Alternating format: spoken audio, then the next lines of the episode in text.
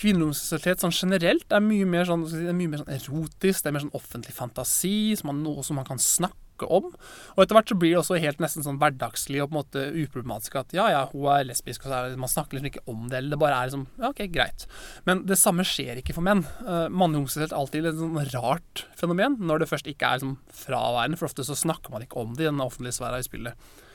Men når det dukker opp, så er det da enten sånn patologisk, eller det er rart. Eh, sånne stereotypiske referanser som skal skremme eller sette folk liksom litt sånn ut av spillet og bare bli litt sånn sjokkerte. Eh, og spiller igjen på en sånn dårlig, dårlig holdning om at den homoseksualiteten er mye mer sånn sykelig eller mer problematisk. Det sa Kim Johansen Østby. Han er forsker ved Institutt for mediekommunikasjon på Universitetet i Oslo. Og mitt navn er Arne Krumsvik.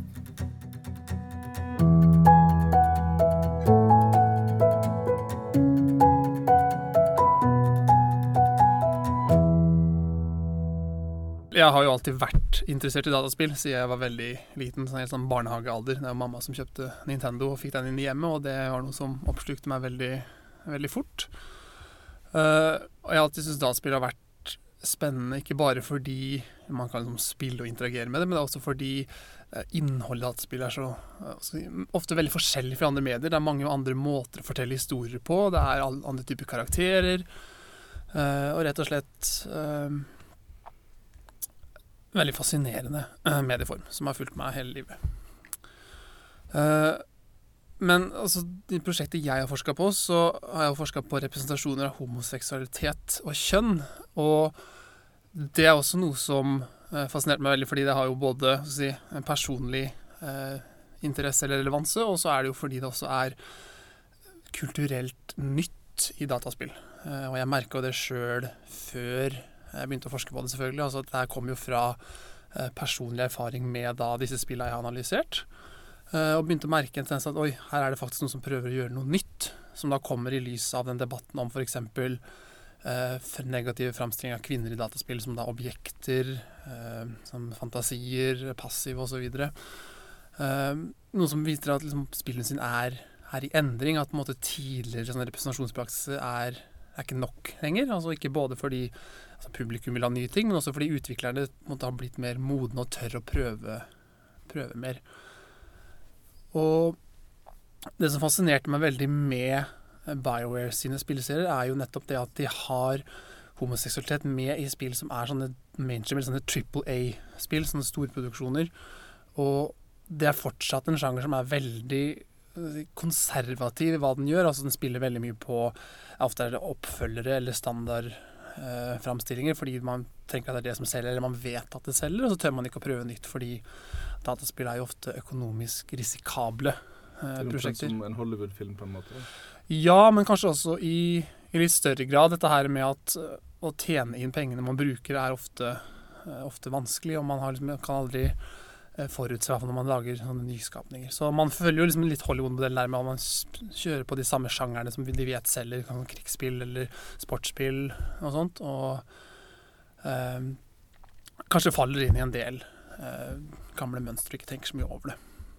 Og Samtidig så er det jo også fordi spillerne har jo f.eks. også gjennom sosiale medier blitt mer tydelige på hva de syns, og gir mye mer tilbakemeldinger til spillindustrien. Så det er ikke lenger en sånn lukka industri som bare kan eh, produsere hva, hva den vil. Ehm, og dataspill er jo også i, i en del større grad enn andre medier et, et medier som trenger folk for å spille. Det er, liksom, det er laga for at noen skal kjøpe og spille det. Uh, og selvfølgelig kan det jo fortsatt være kunstnerisk og estetisk, og altså disse tingene her, men det er bare at det er noe mer med at dette lages jo for en bruker i utgangspunktet. Uh, sånn at det gjør at kanskje spillene sine også har enda større ansvar kanskje også enn andre medier til å tenke mer på hvem er det vi faktisk lager disse til, og hva er det vi kommuniserer, og hvem er det som er velkomne i våre spill og sånt. Um, det BioWare har gjort, er at de har Altså, de lager eh, rollespillserier hovedsakelig, som er da eh, store historie- eller fortellingsdrevne spill, eh, hvor du som spiller lager din egen hovedkarakter, enten mann eller kvinne, og så har den en mer eller mindre sånn definert rolle i spillet, og så velger du i løpet av spillet eh, hvilke dialogvalg man skal svare, eh, og hvilke eh, valg man tar f.eks. i i oppdrag og Quest, altså hvordan man løser en konflikt, og man, hvilken side man tar, som da vil en sikkert påvirke andre ting i spillet. Og da også hvilke av de der kompanjongene du har med deg, altså de lagkameratene som er med deg i kamp, eh, og som er liksom en del sosiale aspektet i spillet. Hvilke av de du måtte ha lyst til å bli venner med eller uvenn med hvis man vil. Eh, og også noen av disse kan da bli kjæresten din i spillet. Og det er det som kalles for romances i, i dataspillindustrien. Eh, og det brukes jo i andre, andre sjangere også. Eh, så det er ikke Barry som har funnet på det, men det er de som har liksom lagt det som sånn mal i sine, sine spill. Uh, og det er altså en interessant sånn mediespesifikk funksjon, fordi det betyr på en måte at spilleren kan spille, eller alle spillerne kan spille samme ho, det samme hovedeventyret. Uh, men at måte den kjærlighet, den love story-delen den kan du bytte ut, avhengig av hva du har lyst til, om det er egne preferanser, om du har lyst til å prøve ut andre ting osv. Også igjen basert på hva som er tilgjengelig fra spillutviklerens side. Uh, og det er her på en måte da Bioware har fått, si, fått til å ha med homoseksualitet i større grad, fordi Eh, når man gjør innholdet valgfritt i dataspill, så er det også sånn at da er det enklere å skjule det også for de som ikke vil, eller kan, eller av ulike grunner ikke vil eh, oppleve det innholdet. Så da er det på en måte enklere å Da blir det ikke på en måte et homospill eller sånne ting. Da, blir det, da, er det bare, da er det bare Mass Effect, da er det bare Dragon Age. Og så er det sånn at inni spillet så må du da aktivt gå etter disse romansevalga for å, for å se eventuelt alternativt uh, innhold. Uh, og det var en strategi jeg først var interessert i å se nærmere på, nettopp bare hvordan de romansene tilrettelegger for denne mainstream-tilnærminga med liksom de ulike valga, sånn at man trenger ikke å ha nisjemedier for, for spillerne, men likevel på en måte kan tilpasse opplevelsen etter egne, egne ønsker. Men så er det også dette her med etter hvert at hvis valgfritt innhold blir liksom, hovedstrategien, så er det også argumentert at liksom, det er ikke nødvendigvis et slag for, for, mangfold, fordi mangfold i en sånn sosial, eh, progressiv tankegang handler jo om synligheten til alle. Og hvis man da i spill kan bare velge bort og tilpasse ting hele tida sånn som man vil sjøl, og da kan liksom justere mangfoldet, eh, så er det det som Adrian Shaw kaller for bare estetisk pluralisme isteden. Og da på en måte ja, altså, Om man ikke tåler å se ting, så er det bare å liksom ikke gå den veien i spillet, eller Uh, man kan be karakterene om å holde kjeft hvis de begynner å snakke om ting man ikke syns er uh, uh, bra, osv. Så, så der er det litt det problemet med ok, dataspill som medieform, som selvfølgelig har den muligheten at det kan tilpasse, eller gi disse valgene, som er jo en engasjerende mediespesifikk form. Og så er det da igjen dette her med ok, men hva med da mangfoldet, som også er en viktig del liksom, av kulturen, og hvordan man skal få det til å passe sammen. Og hvordan kan man da lage spill som både respekterer f.eks. disse valgmulighetene, men samtidig også ikke marginaliserer eh, gjennom spillmekanikken sin. Eh, og her har BioWare vært eh, veldig eksperimentelle. altså De begynner veldig forsiktig i, i hver, hver, serie. Og så tenker jeg, og så tror jeg de tar en del sånn spillerfeedback, fordi. For i noen av spillet så har de gjort enkelte karakterer tilgjengelig som sånne romanser basert på hvor populære de var i det forrige spillet, og tenker ok, da kan vi kan vi ha med det. Så de hører jo på folk. Um, men samtidig så på en måte legger de mer og mer etter hvert, så det er en sånn, sånn test, et sånn testprosjekt, mye av det. Uh, men det som også skjedde da jeg begynte å gjøre det prosjektet, her, at jeg endra litt fokus også, fordi uh, romansedelen av, av spilla er de er på en måte ikke størsteparten av spillet. Uh, de er det er jo en del sekvenser og sånn her og der, og mye dialog og snakking. Men de er jo bare en sånn uh, en liten del av hovedspillet. Så jeg var også interessert i å se Ok, greit, så spillindustrien, eller altså Bioware, gir disse valga og sånn og sånn der. Men hva er det som da kommuniseres i det som jeg kaller på en måte den offentlige delen av spillverdenen? Den delen som alle på en måte er igjennom, det som ikke er disse forholda man har. Og hva som kommuniseres uh, der. Så da så jeg nærmere på hvordan liksom, hvilke ideologier og hvilke måter, diskurser som går igjen om homoseksualitet og kjønn i den offentlige sfæra, og da mer også hva som sies kontra i den eh, private sfæra. Og der er det store forskjeller. Fordi eh, siden liksom, det som er den private delen av spillet er på en måte spillervalgt, så kan det være litt mer mer progressiv, eller mye mer sånn tydelig snakke mer om, om kjønn og seksualitet. Mens da i liksom offentlig sfære der, så er det mye mer sånn nedtona. Uh, mye mer sånn heteronormativt. Altså spilla kan, kan, fint anta at du som hovedkarakter i spillet er heterofil, men ikke homofil. Det er, uh, det er verre. Uh, men så er det også en del sånn, sånne, sånne, sånne hverdagslige antakelser som går igjen. Sånne, sånne uproblematiske ting som gutter er gutter, og alle vil ha vakre kvinner. Altså, disse, disse tinga bare ligger der, som er Jeg tenker kanskje det er mer ubevisst reprodusert, uh, men man finner den generelle tankegangen om at OK, så spilla gir disse valga. Men verden ellers er på en måte ganske lik vår egen verden, hvor det er mer sånn Det er greit så lenge man ikke ser det i, i offentligheten.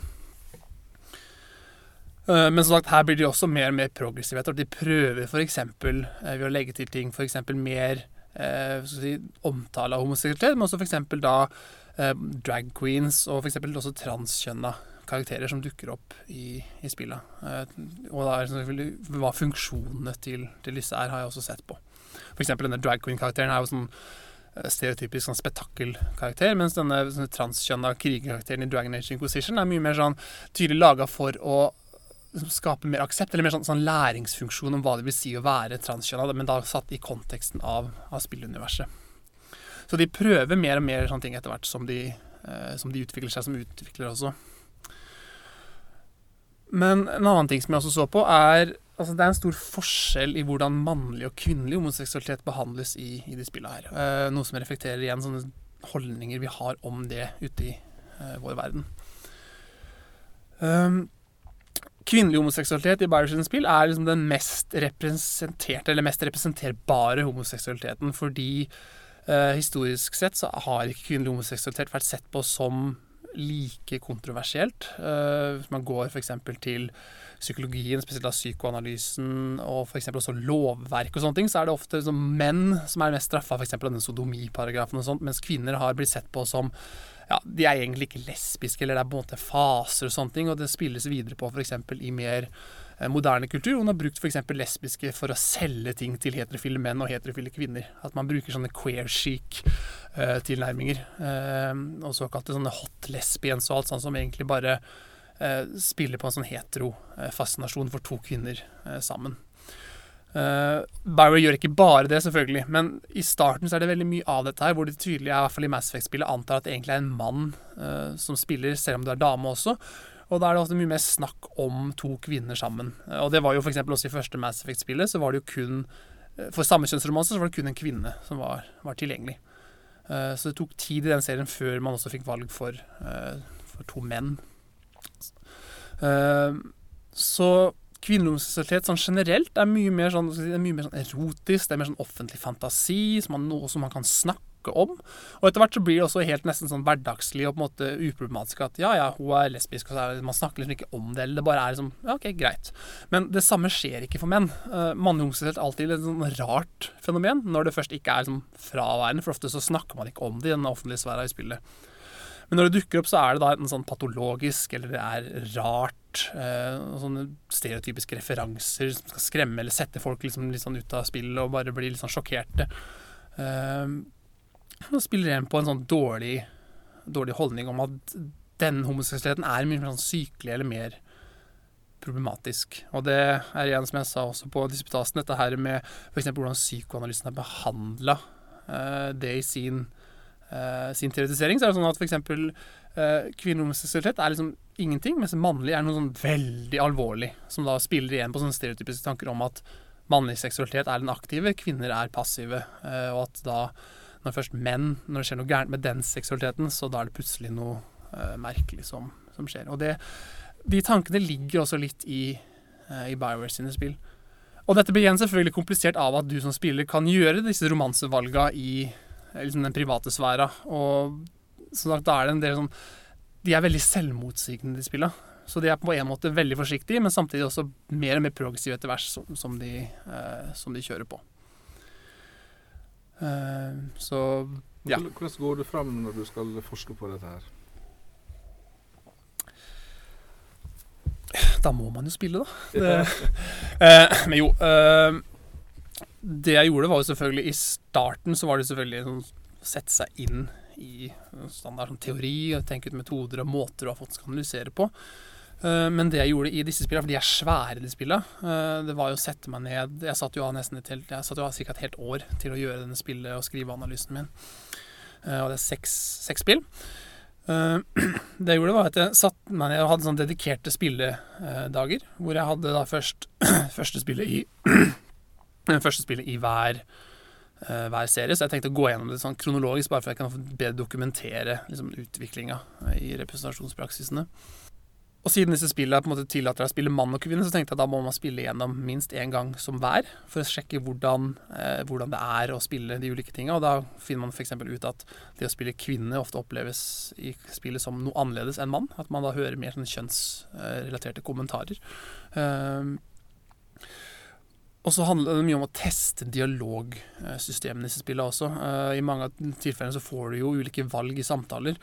Og det handler også om å teste ok, hva er det man sier i denne situasjonen, hvordan reagerer man på visse ting, og så må man liksom laste spillet om på nytt og prøve et annet valg. Så det er veldig mye sånn fram og tilbake, så det er noe sånn sømløs start-slutt-bit uh, der. Uh, så det var egentlig det jeg gjorde i, i hvert spill. Jeg tok, jeg lagde en gjenspilling hvor jeg hadde en kjønna hovedkarakter, og så hadde jeg bestemt hvilket sånn romansevalg den karakteren skulle gå etter, og så da eventuelt flørte med alle andre mulige karakterer opp til det punktet hvor man da må liksom velge fast hvem du skal ha resten av spillet. Eh, og teste ut så mye som mulig av dialogsystemet. Gå i alle kriker og spillet og høre på alt som er sagt, og dokumentere det. Jeg tok vel, som jeg skrev i avhandling, jeg tok vel ca. 42 000 skjermbilder eh, bare for å dokumentere alt jeg har gjort. Og selv det er jo ikke nok, for jeg brukte en del også sekundærkilder, sånn som Dragon Age Mass Effect Wiki-sider, som har ganske mye sånn utførlig informasjon om spillet. Men også brukeropplasta videoer på YouTube som også er veldig flinke Brukerne er veldig flinke til å laste opp alle mulige scenarioer i, i spillet, så det var enkelt å se ting også som jeg ikke har opplevd. Eh, men at disse spillene er de er lange, og når man skal da gjøre sånn akademisk studie av det her, så tar det enda lengre tid, hvor man da må laste om og spille segmenter om igjen.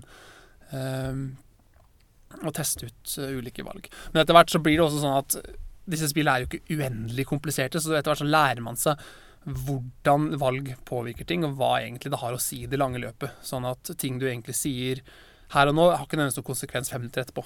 Eh, så de er veldig sånn, sånn mange av valgene er veldig kortvarige. Så etter hvert så var det å bare finne ut den generelle malen for hvordan dialogsystemet og respons fungerer. Og da er det også enklere å, å snakke om f.eks. ting jeg ser i sekundærkilder, og vite hvordan det relaterer seg til uh, det jeg har, har sett på.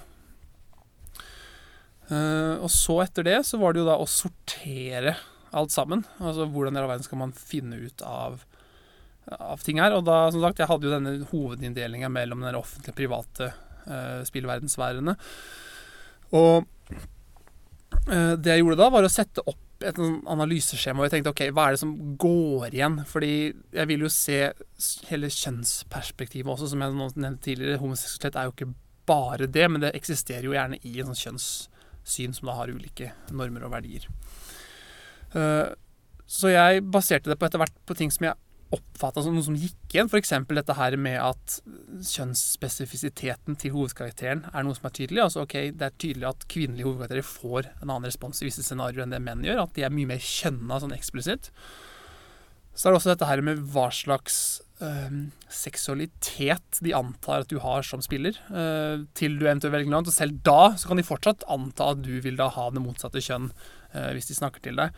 Uh, og dette var mønster som gikk igjen i de to spillseriene. tenkte jeg, ok, her har vi sånn gode sånne analysekategorier uh, som kan brukes der. Og så, så jeg, fant jeg også en tjeneste til de tilfellene hvor de prøver å utfordre den heteronormen som går igjen, fordi spillet er ikke fornøyd med heteronormativiteten sin heller. Så det er merkelig der at de, de prøver å ha sånne, sånne, små innfall her der hvor de prøver å kritisere den holdninga, uh, bare for liksom å ha vist at dette er ikke nødvendigvis noe vi tar for, tar for gitt. og da selvfølgelig også hvordan eh, homoseksualitet eh, snakkes om eller vises i den offentlige sfæra.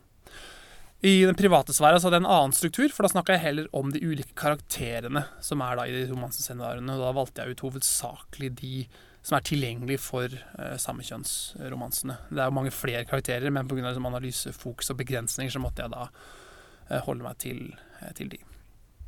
Eh, så da har man liksom, Det er fire analysekapitler totalt. Uh, To som handler om den offentlige sfære og de ulike, uh, ulike punktene der om kjønnethet, uh, uh, såkalt sånn default seksualitet, og hvilke sånn, kjønns- og seksualitetssyn som verden har, samt homoseksualiteten som dukker opp der.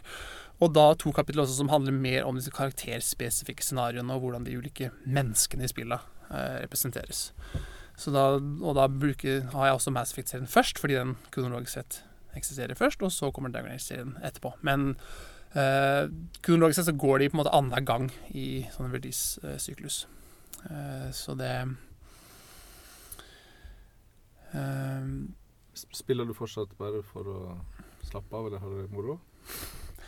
Det er fortsatt mulig. Det er, det er vanskeligere. Eller altså det Jeg husker da Dragon Age Inquisition, som er det siste spillet som jeg analyserer i avhandlinga, eh, det kom jo i 2014, og det er et år etter jeg begynte i prosjektet. Det ble utsatt eh, et par ganger, men det kom til slutt.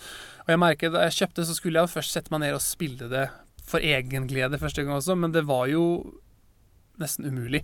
Uh, satt hjemme og så begynte jeg å notere ned på telefonen. Jeg kom over poenger og tenkte at dette kan jeg ta med senere. Når man er midt oppi et forskningsprosjekt også, så er det jo klart at man tenker på det uansett. Så det var Ja, det var litt Litt invaderende, den tankegangen der. Det gikk hovedsakelig greit, men igjen, jeg gjorde jo også arbeidet lettere for meg ved å faktisk gjøre litt der og da også. Men jeg merka i senere grad ja, jeg kan fortsatt spille for moro, men jeg har blitt bevisst på en del andre ting også gjennom å jobbe med det der, og tenke på det uh, på en annen måte enn en før. Uh, så ja, jeg kan fortsatt spille for moro, men uh, jeg, jeg, tenker kanskje enda mer på innhold i dataspill enn det jeg gjorde tidligere, og på en annen måte. Så og nå har det jo nettopp kommet et nytt Mass Effect-spill, så du kan jo tenke deg at jeg kjøpte det i går. Så, da kommer, kommer alt tilbake igjen. Det Betyr det at du spiller mindre enn du gjorde før? Nei, jeg spiller Eller jeg har gjort den siste tida pga. i fjor arbeid med innlevering og sånn, så har det blitt mindre spilletid. Men, eh, og det ligger jo en del spill som venter på meg, som skal, eh, skal gjennom nå. Eh, men nei, jeg spiller nok ikke mindre enn jeg, enn jeg gjorde før. Det gjør jeg ikke. Men ja, det er vel vet ikke, Nå er vi spillforsker, tenker man jo på en annen måte med spill, men da må man jo fortsette å spille også, så det kan jo ikke spille noe mindre nå.